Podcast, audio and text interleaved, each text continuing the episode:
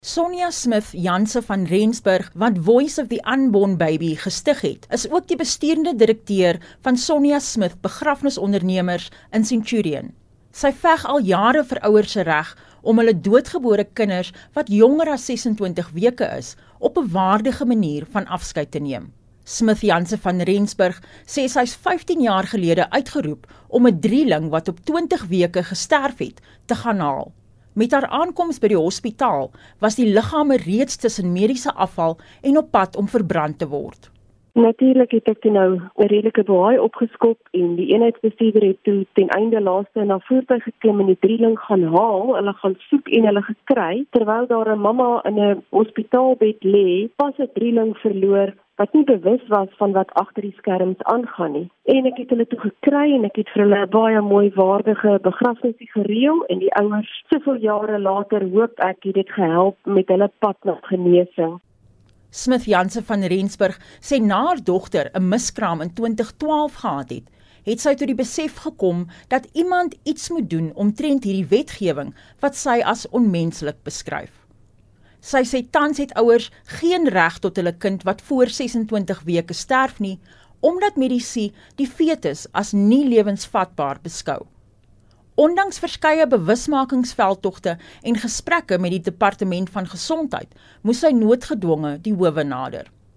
Maart 2017 het ek in my nuwe insgewende maatskappy The Voice of the Unborn Baby het 'n aansoek ingedien by die regsproses begin by die Hooggeregshof van Pretoria. Ons is sedertdien September 2017 deur die Hooggeregshof waar die regter toe beslis het dat die saak so kompleks en so belangrik is, sy verwys dit na die adjunkregter president van Gauteng vir 'n direktief oor hoe moet hierdie saak hanteer word. En hy het toe gesê dit moet in 'n spesiale hof verhoor word met 'n spesiale regter en 2 3 weke gelede het ons toe nou in die Hooggeregshof vir 2 dae die hof uitgeboek en het hierdie saak toe voorgekom. Uitspraak is voorbehou en sal eers in die eerste helfte van 2020 gelewer word. Smith Jansen van Rensburg sê sy is vasberade en gaan nie tou opgee nie. Ek durf dit nie waag om op te hou nie want ek het so ver gevorder en so baie geld al hierin geïnvesteer dat die wetgewing moet verander. Dit moet in lyn kom met die grondwet en dit moet in lyn kom met wat in die res van die wêreld aangaan. Daar's nie 'n manier wat iets my gaan keer nie. So dit is iets wat moet gebeur en as iemand nie opstaan hiervoor nie, gaan niks verander nie. Gevra of sy vanweë die aard van haar werk probeer om hieruit munt te slaan, het Smith Jansen van Rensburg so gereageer soveel jare terug al begin met hierdie besigheid en destyds het ek al die babatjies verniet begrawe. Nie 'n sent geld gevra nie. En ek kan jou verseker dit gaan nie hier oor 'n finansiële gewin nie. Dit gaan oor wat reg is en wat verkeerd is. As ek een voorbeeld mag noem, 'n fetus wat op 25 weke en 6 dae doodgebore word, is mediese afval en moet verbrand word as mediese afval. En 'n uh, enetjie wat een dag later gebore word, kry 'n waardige begrafnis. Wie sê daai datums is korrek? Hoe in jou regdenkende, jy weet, hoe op aarde kan hulle so onderskeid tref en sê 25 weke 6 dae, een dag later? Dit is 'n absolute skending van jou menseregte. Die regsverteenwoordiger, Renaldi Ingram in privaat praktyk wat die saak pro bono hanteer, verduidelik wat die kern van hulle argument is. Ons argument is dood eenvoudig net om te sê ouers moet die reg gegee word. Die staat kan nie namens 'n ouer besluit wat om met hulle babatjie te maak nie.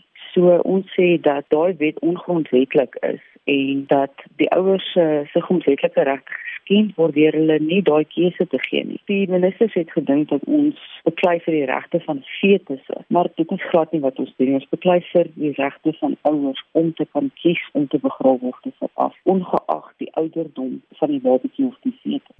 Ingram sê hulle is bereid om die saak tot in die konstitusionele hof te voer sou die Hooggeregshof nie in hulle guns bevind nie.